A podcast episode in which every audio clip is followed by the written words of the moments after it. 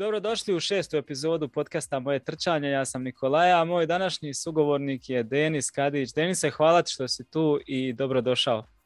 Hvala, hvala vama što ste pozvali. Uh, evo jedna zanimljivost za početak. Jesam znao da ima jedan Denis Kadić, slovenski hokejaš i kad ukucaš na Google u pretragu prvo iskoči Denis Kadić hokejaš, ali sa tvojom fotografijom. E, nisam znao da je sa mojom fotografijom, ali sam znao i znam za tog hokejaša u vrijeme dok sam se aktivno bavio trčanjem i ostvarivao neke zapaženije rezultate, tražio sam ne bi li sebe našao, međutim uvijek mi je taj hokejaš ispadao i gledao sam njega umjesto sebe, ali sad da moja slika stoji pred njegovi, ne, njegovog ne znam. Da, znači prva stranca, ja sam vaš ukucao, tražio sam isto neke podatke ovaj, i na prvoj stranci mi izbaci Denis Kadić, ali piše hokejaš, ok, šta je sad ovo, ali vidim tvoja slika, činim zdavno zagrebački maraton ili tako nešto. Yeah. Mhm. Rekao, ovo je došlo do, zabune u ovim internet prostranstvima. ne znam, nisam odavno na takvim traženjima jer već jedno određeno vrijeme sam se više okrenuo privatnim stvarima nego e, sportskim, ali je zanimljivo čuti tako nešto. Da, Ova, evo da ne bi bilo zabune onda kod nas da malo napravim uvoda i da kažem da si bivši atletičar koji se bavi ovaj, sportom od svoje 11. godine, trčat se počeo činim se od 14. kako smo jednom razgovarali.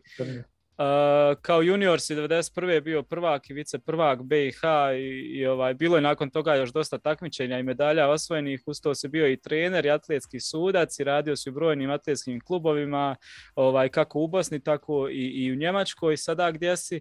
Ovaj, da sve nabrojim, sad trebalo bi stvarno pola emisije, ali evo ima samo još nešto što bi volio da istaknemo. E, i vjerujem da je to i tebi kao najdraže ostalo. Ovaj, to je počasna značka grada Karlsruja za postignute rezultate i doprinos sportu e, tog njemačkog grada, jer to je bilo 99. godine. Tačno. Dakle, e, iz BiH si otišao za Njemačku, jedan period si živio u Njemačkoj, pa si se ponovo vratio u BiH, jel tako pokušao, ali vidio si da ne ide, da ovaj, na koncu opet si se vratio u Njemačku gdje trenutno živiš i radiš. E, nadam se da sam evo ovo ukratko dobro posložio, ti dodaj ili me ispravi ako sam nešto pogrešno naveo ili ako sam zaboravio, a bitno je dodaj, slobodno je. E, bolje, bolje je da si to ti tako ispričao jer bi se ja možda vjerovatno i u tim svim informacijama izgubio i možda malo više i pričao, međutim sve što si naveo sve je istina i sve je tako kao što e, kažeš i ja bi još kratko dodao da sam ja u tom sportu i u tom trčanju na kraju krajeva dao cijelog sebe, jedan dio svog života žrtvovao u tome, mm, jedan dobar dio privatnog života i privatnog čak i školovanja je na tome puno ispaštao, međutim dan danas nije mi žao i u trenutnom životu u Njemačkoj sam jako zadovoljan i mogu reći uspješan sa privatnog, odnosno sa subjektivnog mog gledanja. Da, super, drago mi je čuto. Ne? Šta ima onako, kako si? Dobro sam, eto, malo sam loše savjesti, pošto u posljednje tri mjeseca uopće nisam posebno pobratio pažnju na trčanje, na fizičku aktivnost, puno radim, puno se bavim e, mojom porodicom i ostalim stvarima, međutim zima je uvijek takva malo naporna, malo teška, tako da se radujem uvijek s proljeća kada dođe ljepše vrijeme da će se aktivirati. Da, proljeće i novi zamah i sve ovaj. Uh, hajde da prijeđemo onda na, na glavnu temu ovog našeg današnjeg razgovora koja je jako zanimljiva, jako bitna, jako važna. ova evo kako si rekao, trčiš koliko stigneš, koliko ti obveze dozvoljavaju, ali ima nešto sada važnije o čemu bi najprije da razgovaram, ovaj, a to je da si atletski djelatnik i dalje, da si atletski uh, sudija i to dvije i prve, pa si pauzirao za vrijeme boravka u BiH, zatim se opet reaktivirao kad se vratio u Njemačku, to suđenje na raznim atletskim turnirima koji u Njemačkoj, evo vidim sam, ima gotovo svaki vikend u sezoni, ali najvažnije od svega je da si e, službeno izabrani sudac za nadolazeće europsko prvenstvo u devet sportova, među kojima i atletika, jel' a koje će se održati naredno ljeto u augustu mjesecu i to je najveći sportski događaj u Njemačkoj poslije olimpijskih igara 72. godine od, koji su održani u Mihenu i opet će se sada i ovo evropsko prvenstvo održati upravo na istom mjestu u ogromnom olimpijskom kompleksu Olimpija parku E, kojeg, kojeg sam nedavno i posjetio, evo, ovaj, i to detaljno obišao i ostao sam zaista zapanjen viđenim jer su te građevine fascinantne, kao da, su, kao da nisu biti iz kraja 60. i početka 70. nego kao da su danas rađene u biti, evo, ovih zadnjih i posljednjih godina. Ovaj, tu se očekuje jel, preko 4000 sportaša i sad e, glavna stvar kako to da si ti došao do toga evo, na tako jednom velikom događaju da ćeš biti atletski sudija u biti. Kako je Denis Kadić iz Sarajeva postao službeni sudac Europskog prvenstva u atletici? E, ovaj, koji je to bio put i kako se dospijeva tu u biti? Pa, u suštini na ovome području, kako ga na Balkanu voli reći, zapadu, nije, nije, nije teško jer sve su, sve su stvari čovjeku priuštene, čovjek može svugdje i da učestvuje i uživo, ko što ja volim reći mnogim našim ljudima koji su došli ovdje, e, koji imaju mnogih problema, e, lično ovdje si na, na, na mjestu u središtu dešavanja svjetskih, kako sportskih, tako i svih ostalih zbivanja. I ako se malo potrudiš, ako pogledaš malo oko sebe i pogotovo radiš ono što voliš, onda možeš uspjeti u svemu. Ja sam u atletici, kao što si dobro naveo, od 14. godine. Sa 27 godina 2001. sam e, stekao njemačku atletsku sudijsku licencu ovdje i to sam onda paralelno sa svojim svim i privatnim i sportskim životom i dalje je vukao i bio sam u tim e, vodama sudijskim, a sudija atletskih ovdje u Njemačkoj stvarno treba puno. Najveći je razlog što ljudi to ne želi da rade jer je zarada, e, možemo reći minimalna, zaradi se honorarna možda za 8 sati sudačkog dana nekih 20 do 30 eura, tu uopšte nije puno, ali zato su tu svi ljudi koji su srcem vezani uz sport, srcem vezani uz atletiku i kada vide da sude dječja takmičenja, da kada sude nekima E, možemo reći kandidatima za njemačka prvenstva i za neke europske i svjetske e, velike manifestacije, onda im je puno srce i čak u nekim trenucima poželi da uzmu i autogram i slikaju se sa njima tim svim putevima i ljubavi prema atletikom sam ja išao sve ove svoje godine, pogotovo u tim sudačkim natjecanjima i prvenstvima preko mnogobrojnih dvoranskih mitinga. Nastupio sam kao sudija na nekih možda tri ili četiri njemačka prvenstva u atletici, e, mm. bio sam četiri ili pet godina uzastopno na međunarodnom dvoranskom mitingu u Stuttgartu dok sam živio 2002. E, 3. i tako tih godina i bio sam stvarno postavljan na neka i važnija mjesta na tim sudačkim takmičenjima kao što su na primjer doping kontrola. Ja sam radio dvije godine zastupno na doping kontroli na Špar Kupu u Stuttgartu u dvoranskom mitingu i tu su me postavljali ciljano što sam sa prostora gdje se govori više jezika. U mhm. osnovnoj školi sam učio ruski jezik, tako da i tu znam dvije, tri rečenice sastaviti u slučaju da neki Rus ili sa tih područja bude određen za doping kontrolu i međuvremenu znam kao i svoj materni jezik e, njemački, tako da je i to velika prednost kad se nešto više u svom životu želi na ovom području ostvariti. U toku svog života i povratkom u Bosnu i Hercegovinu 2007. godine sam se isto angažovao, pa sam čak u jednom trenutku u Bosni i Hercegovini bio i predsjednik sudačke komisije Atletskog saveza Bosne i Hercegovine, gdje se nije toliko radilo kao ovdje u Njemačkoj. Po ponovnom povratku u Njemačku 2017. sam se odmah uključio u sudačku organizaciju, tako da sam od te godine, evo već naredna godina će biti peta, e, redovno na takmičenjima gdje mogu reći da sam na minimum 10 takmičenja u godini od kojih su neka i veća i važnija u tim e, okružnim, regionalnim sudačkim zadacima na, na nivou Minhena i već od 2017. sam u udruženju sudaca u južno-zapadnom Bajernu, znači ovoj pokrajini Njemačkoj, da. koja redovno e, pristupa, odnosno sudi na svim atletskim manifestacijama, od e, dječjih pa do seniorskih, odnosno veteranskih i svih ostalih u pokrajini i u cijeloj Njemačku. Da, dobro, vidiš, baš zanimljivo izgleda, to je ono što kažeš, nije baš nešto plaćeno, ali onako e, više se tu isprofiliraju ljudi koji žele nešto dati atletici nego uzeti od nje u biti. Ti tu više volontiraš i ono nekako čast je da se tu i da doprineseš isto tome koliko možeš, ono, nego da si ti tu sad da ja želiš nešto da zaradiš i ko u većim ovim sportovima što su plaćeni, tipa nogome gdje sudije zarađuju ono, ogromne svete novca. Ono. Ja sam, na primjer, 2006. godine u Stuttgartu sudio na e, finalu Grand Prix mitinga u atletici Hm. Za ta tri dana, za ta tri dana e, rada ukupno e, u prosjeku 6 sati dnevno, znači za 20 sati otprilike e, rada, petak, subota i nedelja, ja sam zaradio nekih 80 eura otprilike.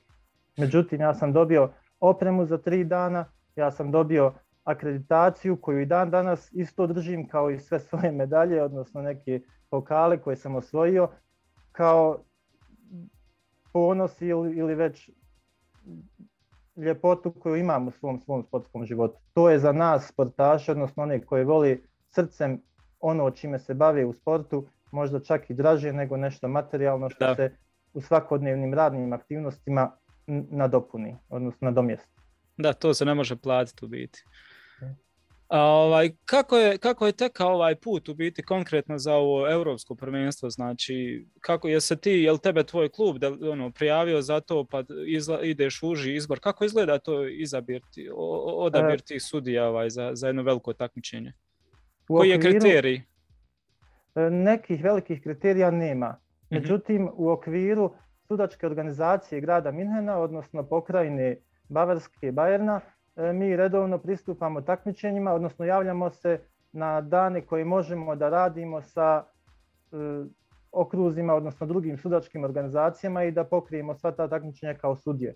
I na osnovu toga svega mi smo već e, prije dvije godine dobili informaciju da se Minhen kandidovao za europsko prvenstvo i tada kad sam ja to saznao, ja sam već sebi, pošto volim i, i sport u suštini, a i ovo što radim, E, zacrtao da ću ja uzeti godišnji odmor u tom periodu i da ću ja mhm. probati u gradu nešto pomoći što mogu pomoći. Minhen je ogroman grad sa skoro 2 milijuna stanovnika, međutim ako svi radimo, ako svi srcem e, želimo i radimo ono što volimo, možemo i pomoći u tom svemu. Tako da sam se ja u okviru te sudačke organizacije informisao i pitao i glavnog e, vođu te organizacije kako bi ja mogao pravovremeno se javiti, pravovremeno biti u kontaktu i sa tim ljudima i sa tim svim da bih prisustovao kao sudija ili kao neki djelatnik u, okviru tog natjecanja. Uvijek sam imao u rezervi, što mi je i dan danas rezerva, da ja mogu kao neki sporedni posao se prijaviti u neku, recimo, zaštitarsku security agenciju i raditi kao security da budem maltene na licu mjesta. Da, Međutim, na ta sva javljanja, mailove i pisma iz organizacije Europskog prvenstva, rekli su mi da odgovaram na njih. Ja sam se na svaki javio, na svaki sam postao i odgovor, na svaki sam pisao i moje želje da ja želim doprinijeti gradu, odnosno prije svega i sebi da učestvujem na takvom nekom natjecanju i na osnovu svega toga prije e, polovinom oktobra ove godine je došao mail da su e, meni i svim ostalima koji se redovno javljali da su odabrane sudije za takmičenja u maratonskom trčanju 15. E, augusta 22. i na e, hodanjima u gradu na cestovnom hodanju. To je 16. augusta sljedeće godine. Mhm. I meni su poslali mail da sam ja odabran u tu grupu, tako da ja imam već 15. i 16. augusta na takmičenjima maratona i na takmičenjima cestovnog hodanja rezervisano mjesto kao sudac. E, od 15. do 21. augusta takmičenje u atletici se održava na olimpijskom stadionu u Minhenu, a pošto sam već član studačkog tima e, regiona Minhen, tu će gledati da prve sudije angažuju za to takmičenje. Znači ja mhm. računam da bi se u martu i aprilu mjesecu moglo i tih dodatnih 5-6 dana dopuniti sa sudijama koje još nisu određene da sudi. Aha, aha, a ti sad sigurno znaš da si na ove dvije discipline delegiran. jer tu ovaj. treba, tu treba stvarno puno volontera, tu treba puno sudija, tu nije samo organizacioni odbor Europskog prvenstva e, ne pokriva samo to natjecanje nego i grad. A mhm. grad je vjerovatno i skupština grada i uprava grada od gradonačelnika pa svih ostalih dala e, rok da se do oktobra ove godine vjerovatno sa svom organizacijom pokriju i ta gradska natjecanja koja i pod njihovu E, obavezu spadaju da ih oni pokrivaju. Tako da su mhm, mhm. ovi iz organizatora to sve tako završili na vrijeme, pošto im je vjerovatno bio uslov od grada da to završi u doglednom roku. Da, o, e, je li maratonska trka u biti zajedno ide i muška i ženska i sve ili? E, mislim da nije. nije. Nisam siguran, ali mislim da nije. Je li, ima uopće, je li izašlo uopće išta sad još od termina i to da se malo preciznije zna, nisam uspio pronaći? E, termini atletskih takmičenja mislim da svi stoji. Mhm. Na, na, stranici, na stranici e, oficijelnoj, ne znam sad ću paralelno samo da pogledam kako to izgleda. Da. Stranica glasi Munich, Munich 2022.com e, i svi od devet sportova, svi sportovi i sve, svi termini, to sve već stoji. Da, da. Kad je koja, i satnica čak postoji. Tako da e, mislim da i maratonske trke kad se koja održava postoji već po satnici da. i na stranici. A, jel znaš onda već koja su tvoja zaduženja u biti, recimo konkretno na maratonu nas više zanima ovdje? Ja ovaj. sam, ovaj. ja sam u, u Stuttgartu 1999.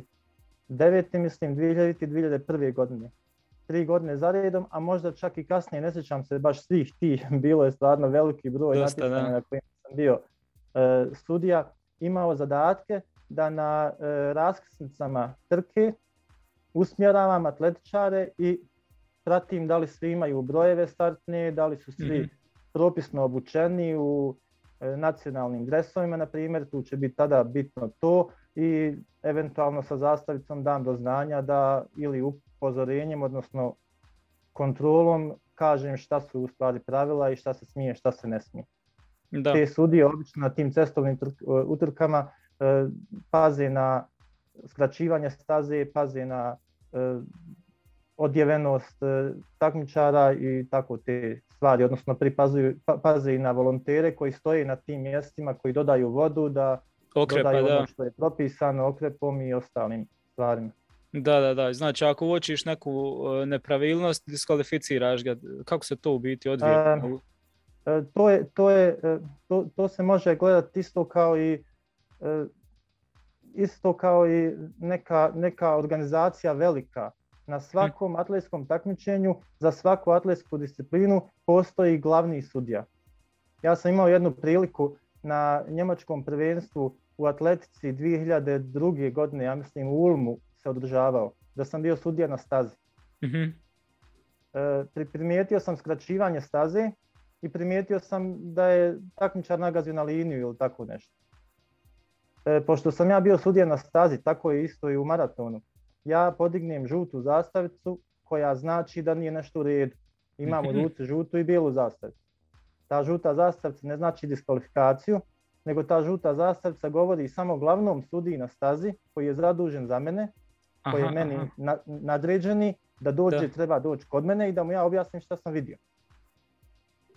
I na osnovu mog objašnjenja on odluči da li će diskvalifikovati koji je stepen te e, pogreške koju napravi atletičar ili će pustiti to progledat kroz prste ili već šta ja znam uraditi.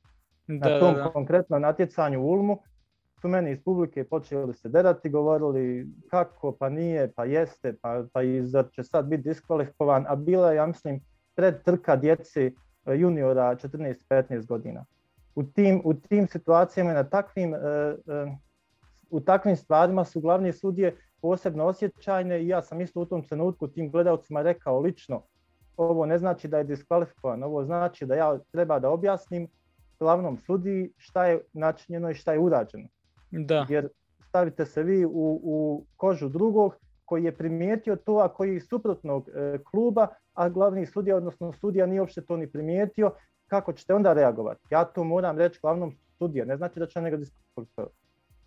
Sudije to obično progledaju kroz prste, ako nije nekoga drugog povrijedio tom pogreškom, odnosno ako nije skratio toliko stazu da će se to njemu odraziti na krajnjem rezultatu, ali to je bilo minimalno skraćenje od jedne stope i možda u krivini, tu uopšte nije neka velika pogreška. Ali ti moraš prijaviti, da. To je, moja, to je moj zadatak. Vrlo često se na tim velikim natjecanjima e, prestupi, odnosno te pogreške dešavaju u trčanjima štafeta. Štafete imaju određen sekret, i onda mora sudija nešto prijaviti. Da.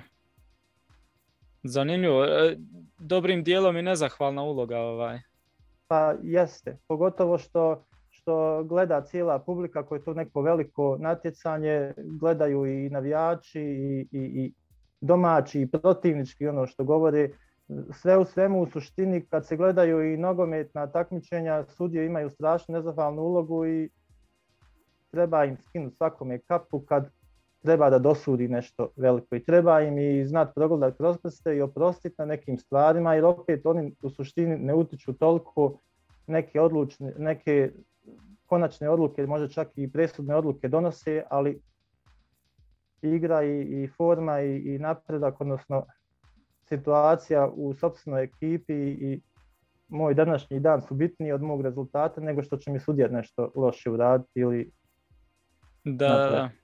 Jako zanimljivo. Ovaj. A kako će sad teći u biti? Hoćete li vi imati neke pripreme posebne za, za sam događaj i to? Kako, kako ide dalje?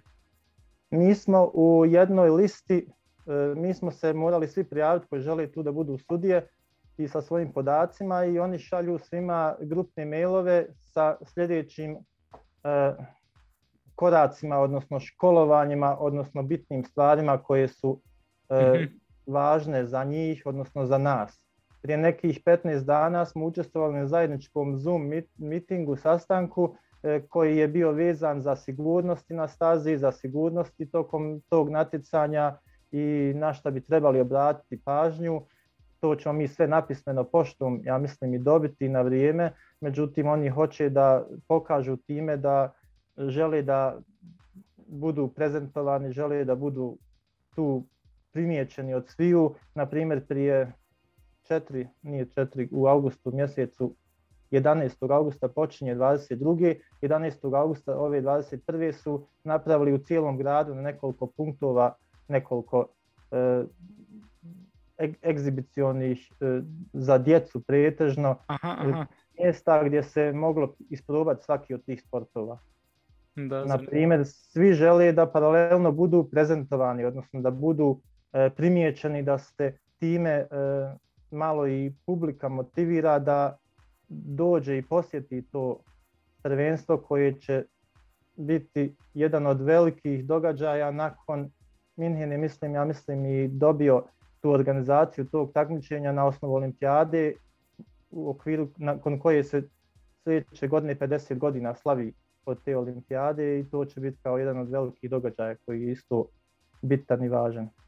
Da. A mi ćemo biti to mail listom obavješteni o sljedećim koracima i o svemu što će se dešavati od marta, aprila mjeseca kada počnu opet otvorena atletska takmičenja, mi ćemo i u sudačkoj organizaciji vjerovatno početi da vršimo selekciju, odnosno grupu koja će na kojoj disciplini, odnosno u atletskim borilištima učestvovati u augustu 22. Ovaj, dobro, zanima me samo još vezano za ulaznice, već smo malo pričali, otprilike samo da damo evo, našim gledateljima i slušateljima taj neki raspon koliko se kreću za takav jedan elitni događaj ulaznice. I pogotovo što je Minhen, ovaj, eto, kako bih rekao, ono, blizu je nekim dole e, našim zemljama, ipak ko voli to može se odlučiti da dođe da vidi naj, najbolje sportaše u biti Evrope e, i koje, koje su to onda cijene koje mogu očekivati? za, za te ulaznice? E, što se tiče ulaznica, one su, mislim, e, prije dva mjeseca krenule u prodaju. Ide putem interneta sve. Mhm. Takmičenje Europsko prvenstvo se održava u devet sportova, među kojima i postoje sportovi za koje praktički nije moguće e, prodavati za sve gledalce ulaznice, na primjer za biciklizam, koji se održava na cesti koji će biti e, organiziran oko 100 km daleko od Minhena gdje će cilj biti u gradu i gdje će se posljednja dva, tri kruga voziti u gradu i cilj će biti na velikom trgu, nekom gradu. Uglavnom za takve, takve e, sportove e, ulaznica je besplatna na tom vjerovatno dijelu gdje će se voziti prema gradu, odnosno u predgrađima. Da. E, a maksimalna ulaznica za taj biciklistički, e, to biciklističko natjecanje je 50 eura. Mhm. To u gradskom dijelu vam već gdje bude biće Napravljene, napravljene tribine i bit će napravljen baš dobar ugođaj, odnosno doživljaj svakom gledalcu, odnosno takmičaru da učestvuje u takvom nečemu. Najskuplja ulaznica od svih tih devet sportaša će, e, sportova će biti u atletici. E, atletski, e, atletsko takmičenje će se održati na, održavati na olimpijskom stadionu na kojem će 20 eura biti minimalna, a 120 eura maksimalna ulaznica. To je ono za cijeli dan, jel? 120. Postoji, postoji kombi ulaznice, odnosno grupne ulaznice za nekoliko dana E, postoje ulaznice za prijepodnevna natjecanja i postoje ulaznice za popodnevna natjecanja gdje su većinom finalna e, mhm. natjecanja. Te najskuplje ulaznice e, su za subotu i nedjelju 20. i 21. augusta gdje se održavaju posljednja dva dana sve maltene finalne natjecanja i tu su ulaznice do 120 eura. Mislim da je veći problem da se dođe do ulaznice jer će biti ranije rasprodata nego što je ona skupa. Kad dakle, dakle, obzir koliko je ulaznica za neke velike futbalske priredbe ili neka svjetska europska prvenstva u drugim sportovima, ovo je za naše dole prilike, za, za Balkan cijeli i skupo, međutim za ostali malo kad razmislite da li ste ikad učestvovali u nekom europskom prvenstvu kao gledalac ili kao sportaš ili kao sudija u bilo kom e, biti je to i povoljno. Ma da, ma da, pogotovo cijeli dan, a gledaš elitne u biti ovaj, sportaše u, u tom momentu. Yes. S tim da ovaj, ne znam koliko će biti pušten kapacitet olimpijskog stadiona, on prima 68.000, bar je prije primao, sad ne znam, ovaj, ipak je to puno, ja vjerujem da bi trebalo biti ulaznica, a s druge strane, eto, lijepa preporuka, ne znam, za, od, od naših dole zemalja sa Balkana, kogod god može, ovaj, svakako lijep jedan izlet, jedan vikend, olimpijski ovaj, park je stvarno predivna stvar za posjetiti, onda uklopiti sa pogledati jedan takav događaj. Vjerojatno će biti e, tu Amel Tuka u, u samom finišu e, i ostali, ne znam, vjerojatno će iz Hrvatske biti Sandra Perković ili ne znam, ono, da ne nabrajam dalje. E, tako da, pogotovo Hrvatskoj u biti blizu Minhen, stvarno za let jedan vikend je odlična prilika za pa- vidjeti tako je jedan događaj. mislim da će biti konkurencija jaka, čak se po mom mišljenju konkurencija na europskim takmičenjima europskim prvenstvima jača nego što je na svjetskim prvenstvima jer tu su sve jedne od vodećih zemalja po osvajanju medalja na svim prvenstvima. Naravno da je to jedna velika prilika za zemlje koje se ne nalaze daleko od mjesta događaja europskog prvenstva i da će veliki navijači, odnosno neke grupe navijača poželjeti da vide svoje ljubimce ili svoje takmičare na licu mjesta. Zbog tih svih stvari organizacija, odnosno organizacijski odbor pokušavaju da e, takmičenje svo što bliže približe e, gledalcima, odnosno narodnoj masi. Naprimjer, mhm. Na primjer, e, e, odbojka na travi će se održati na jednom od glavnih trgova u centru grada, E, tako će isto biti sa e, penjanjem na stijenu. Hm. E, onda će biti još nekih stvari koji će stvarno biti jako blizu navijačima, narodu i, i, dostupno.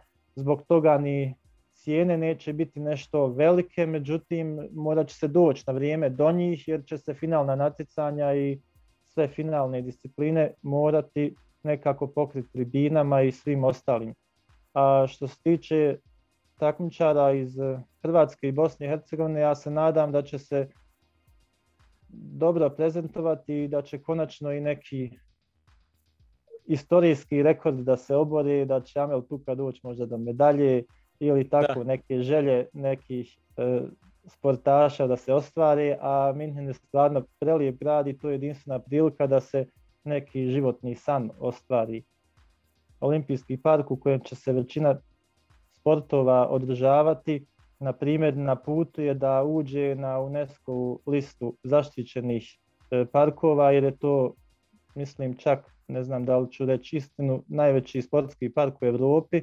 Mhm. Tu je želja sviju nas, odnosno svih sportaša da nešto istorijsko u svom životu ostvari, a kapacitet e, stadiona u Minhenu je stvarno velik i mislim da će se popuniti stadion.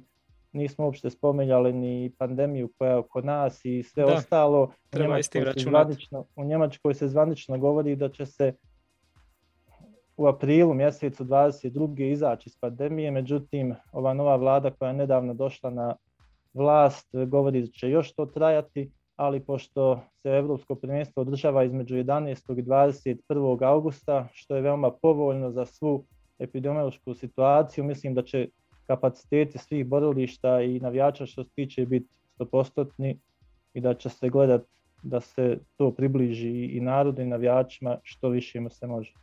Da. Super, pratit ćemo svakako et, maksimalno koliko god mognemo. Ne znam, ja sam isto pokušavao neke termine uskladiti pa da, da isto budem dole bar možda jedan vikend ili tako nešto, ali o tom potom još Ovaj, sad bi malo da se vratimo na, na, na, tvoje, ovaj, na tvoj trenerski put u biti. Zadnji put, e, posljednje što ja znam je ovaj, da si 2018. E, dobio licencu C trenera, to znači jel tako da možeš trenirati djecu uzrasta do 10 godina. Kako sada stojiš na tom planu, jel se nešto novo odvija i tako? Pa s obzirom evo već e, dvije godine se taj opšti sport na, za nižim nekim uzrastima, odnosno klubskim e, sportašima ograničeno sprovodi, odnosno e, zbog nekih mjera i zbog svega što nas okružuje trenutno. E, ja sam ostao još uvijek na istome, imamo iste treninge i istu grupu djece treniram, tako da se tu nije ništa puno veliko promijenilo. Nadamo se još da će u narednom periodu se malo stvari popravi, da će sljedeće godine i povodom europskog prvenstva koje se održava u našem gradu ovdje u Minhenu će se moći i što se toga tiče nešto uraditi. Mi smo u klubu konkretno, ja sam član e, sportskog kluba Minhen Ost koji mhm. ima e, puno, sportskih, e, puno, puno sportova koje obuhvata prošle godine je dvije godine, nakon dvije godine izgradnje završena i dvorana koja se pravi u okviru tog kluba u jednom dijelu grada koji je blizu je željezničke stanice. Sljedeće godine pokušavaju da u klubu e, animiraju opet nove članove, e, djecu i sve sportove da se malo više počnu angažirati u sport jer u okviru pandemije i svega što se dešavalo protekle dvije godine jako mnogo je članova klubova i iz našeg kluba istupilo jer su troškovi ostali isti, a puno ograničenja je bilo u dvorani, nismo godinu dana cijelih mogli, mogli uopšte da treniramo ni da se bavimo sportom jedno vrijeme, a članarina, odnosno honorari i plaćanje su išli sasvim normalno. To je malo bio minus. Da, da, da. A uglavnom, je li imaš ti ambicije da nastaviš ovaj trenerski put, ono, da, da ideš do dalje pa, licence neke? I... E, C licenca trenera obuhvata e, onu osnovnu trenersku djelatnost koja se e, zasniva na radu sa visokom masom sportaša. Te mhm. licenca, ja licenca su konkretno vezane uz neke veće uspjehe. Za te uspjehe mhm. treba e, trener da ima iskustvo, trener treba da ima i podršku kluba, što je ja u svakom slučaju imam. E, međutim, treba i da ima e, puno privatnog vremena, treba da se usmjeri možda čak u sport i da sebe na tom planu malo nadgradi. mm to mhm. znači posjećuje neke seminare, godinu dana traje do, do obučavanje za B trenera ovdje u Njemačkoj, međutim u okviru te B trenera licence treba da se ima atletičar u atletskoj grupi koju treniraš, e, koji je na nivou njemačkog prvenstva, a to nije malo. Da, da, da. Za A trener licencu se, na primjer, treba imati atletičar koji se trenira, da ga ja treniram, za olimpijske igre i svjetsko prvenstvo e, normu da ima a ja svakako želim, ja bi svakako volio, međutim moje privatne obaveze i poslovne obaveze trenutno me sprečavaju da malo više napredujem. A u klubu imam isto podršku, imam nekoliko trenera koji mi mogli čak pomoći da napredujem na tom planu, međutim trenutno kakva je situacija, volio bih samo da se završi ova vanredna situacija u cijelom svijetu, odnosno u Njemačkoj, pa da onda vidim šta dalje da uradim i šta dalje da doprinesem i sebi i sportu oko sebe. Da, uglavnom važno je da, da, da šansa postoji i da ako se neke stvari posloži u biti da ćeš onaj pokušati to da, da ostvariš neki još veći nivo. Jeste, tačno. zanima me isto, evo, sam si već spomenuo, nisi baš zadovoljan koliko stižeš u zadnje vrijeme da trčiš i to i zima je stigla, ali eto povremeno trčiš na trkama, kad stigneš vidio sam da trčiš ovu e, zimsku trkačku ligu, pa zanima me malo kako ide to. Pa ja sam s obzirom koliko sam neaktivan, jako zadovoljan rezultatima koje sam u posljednje vrijeme postizao. Aha. U suštini, u suštini nakon kraja mog aktivnog trčanja 2002. godine, mislim poluprofesionalnog trčanja, mhm sam ja mislio završiti sa svojom trkačkom karijerom. Međutim, e, nemogućnost e, dostojanstvenog života, odnosno rada u Bosni i Hercegovini dok sam živio, su mi dali malo više slobodnog vremena, malo više e, mogućnosti da se malo bolje bavim sportom. Sam svoju sportsku trkačku karijeru i produžio i zahvaljujući mogućnosti što atletika e, daje e, učestvovanje na veteranskim prvenstvima kao iskusni stari, veteran atletičar sam i to iskoristio i uspio sam da onaj, produži malo svoju trkačku karijeru. Dolaskom u Njemačku 2017. sam opet e, stekao, stekao siguran posao koji koji opet povlači nove obaveze, trošenje energije, porodica isto napreduje, trebamo se i tu na privatnom planu malo unaprijediti, pa sam zbog tih stvari trčanje i sport stavio na neki niži nivo, neku mhm. nižu razinu i moji trenzi su se sveli samo na povremeno trčanje dva, tri, do put, dva, tri puta u sedmici gdje sedmično možda pretrčavam nekih smiješnih 20 km ili već ni toliko posljednje, posljednji moji nastupi su bili u Minhenu 10. oktobra na 10 e, km trci u okviru Minhenskog maratona gdje sam istučao fin dobar rezultat. Od 2000 e, trkača sam zauzeo 76. mjesto sa 40 minuta 45 sekundi. Ali nakon toga, nakon toga do 4. decembra, znači prije nekih desetak dana kad sam sljedeći put trčao 10 km u okviru ove zimske lige, sam samo tri puta trčao, vjerovali ne, od 10. oktobra do 4. decembra. I na toj trci sam istrčao 43 minute i 26 sekundi i ostvario sam dobar plasman u svojoj veteranskoj kategoriji između 45-49 godina, treće mjesto. A ta zimska trkačka liga i Minhenski maraton koji sam već spomenuo, mhm. ostale jedine dvije trke za koje sam ja sebi rekao dok još mogu hodat, trčat, ja ću na njima nastupa, nastupat. U okviru ove pandemije koja traje dvije godine, bile su još tri takve trke koje su bile nažalost otkazane i na te neću moći reći da su 20. u mojoj trkačkoj karijeri održane, odnosno da sam nastupio na njima, ali evo na ovom Minhenskom maratonu koji se sastoji od četiri trke i rekao sam da ću uvijek svake godine jednu trku trčat, sam nastupio. Bio je to ove godine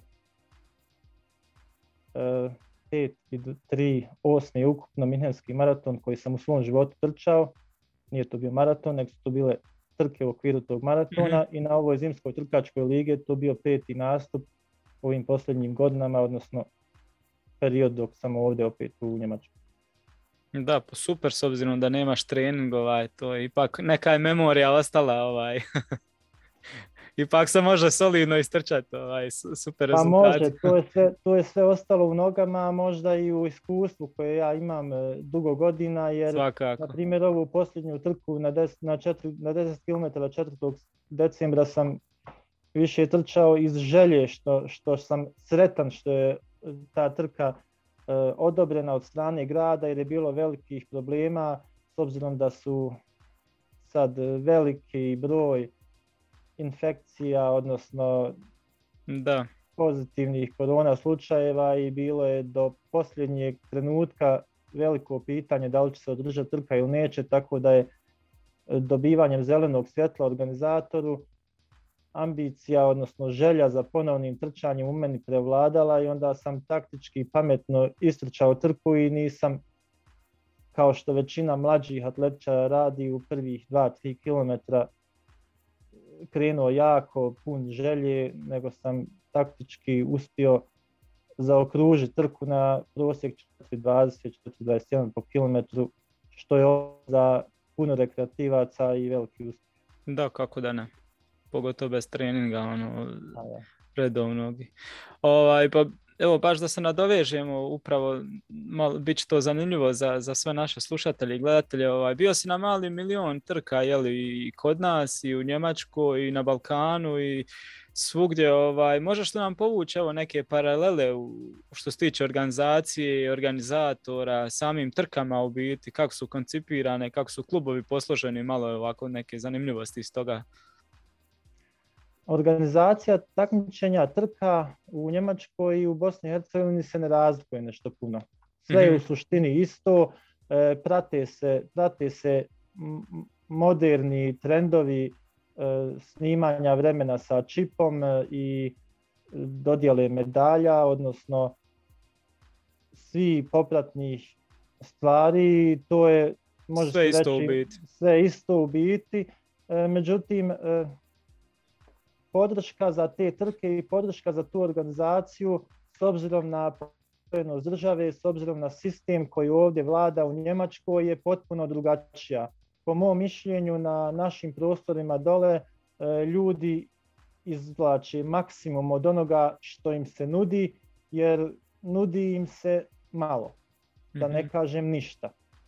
Ona entuzijazam i ono sve što ljudi dole rade, to je stvarno za skinut kapu i reći takvu ste jednu manifestaciju napravili na osnovu svega onoga što vam se ponudilo, što vam se dalo, što vam se obezbijedilo. Ovdje u Njemačkoj, na primjer, prema klubovima, prema takmičenjima, prema velikim i nogometnim klubovima, veliki su velika su izdavanja, velike su stavke u budžetu, Sportaž e, sportaš u suštini ovdje može više da se osloni i na klub i na trenera ne dobiva se novac, ne dobiva se e, nešto materijalno. Međutim, ima se infrastruktura, ima se mm. mogućnost odlaska u dvoranu, ima se mogućnost obezbijediti najosnovnije u zimskom periodu kapu, šal, rukavice, dobre opremu i ostalo, što dole ljudima našim, odnosno sportašima i kako fali, moraju se sve sami da se sami obezbijede i da urade. I što je isto jako bitno, ono što dole kod nas uopšte ne postoji. Kada neki 15-godišnjak, mlađe dijete, ostvari neki veliki rezultat, on se ovdje odmah e, svrsta u te talentovane sportiste mhm. i u njih se onda ulaže preko regionalnog saveza, preko pokrajinske sportske udruge, organizacije i on se podržava u narednom periodu gdje bi trebao sa 19-20 godina da ostvari neki vrijedan rezultat za seniorsku kategoriju. Tu se mhm. sve prati, ta se pomoć i podrška takvim sportašima može i oduzeti, međutim kad se to već jednom dobije, to je dodatni motiv, to je dodatna želja i djetetu, a i roditeljima i klubu kao satisfakcija da nisu džaba uložili i novac i slobodno vrijeme, a to se kod nas jako mnogo cijeni, dole se ne ostvaruje, odnosno ne, ne, ne, ne nagradi, dok je ovdje to drugačije. Da, nažalost. E, evo, što se mene tiče, toliko to bilo za ovaj put. Ne znam, imaš li ti nešto dodat za naše sve slušatelje, gledatelje, za prijatelje dole, za staru raju, što kažem, pozdrav neki ili nešto, poruku. Pa eto, meni je, meni je drago da dole ljudi nisu posustali, bez obzira šta se događa, šta se dešava u javnom životu. Prije neki dan, ako se ne varam, sinoć je održan advent, eh, adventska trka u Sarajevu jako mhm. lijepe slike, propratio sam to i vidim, jako mi se svidjela medalja u obliku pahuljice. Želio bi da čestitam i da stvarno dadnem podršku ako kome znači podrška od mene e, u ovom trenutku je ovako e, da se tako nastavi i da ljudi stvarno ne klonu duhom jer na kraju krajeva naučila nas i ova pandemija ove dvije godine treba se prvo poraditi na imunom sistemu, na ličnom zdravlju, E, pa tek onda možemo razmišljati o nekim dodatnim medicinskim suplementima i svim ostalim, a sport je temelj svega toga i pozdravio bi sve i drago mi je da ne kloni duhom, da, da, da, da budu onakvi kakvi jesu i kakvi se sad trenutno i kako se ponašaju. Mi smo svi isti, svi su ljudi u suštini isti, međutim, spomenuo sam jednom trenutku u ovom razgovoru, sistem nekima omogućuje nešto više, nešto manje. Ne znam da li me čuješ, Denise, ovaj, zakratko, nakratko smo se izgubili, ali hvala ti u biti što si bio gost našeg podcasta i puno sreće u daljem radu. Bilo je ovo šesto izdanje MT podcasta. Hvala vam što nas pratite, veliki pozdrav svima i doviđenja do sljedeće epizode. Ćao!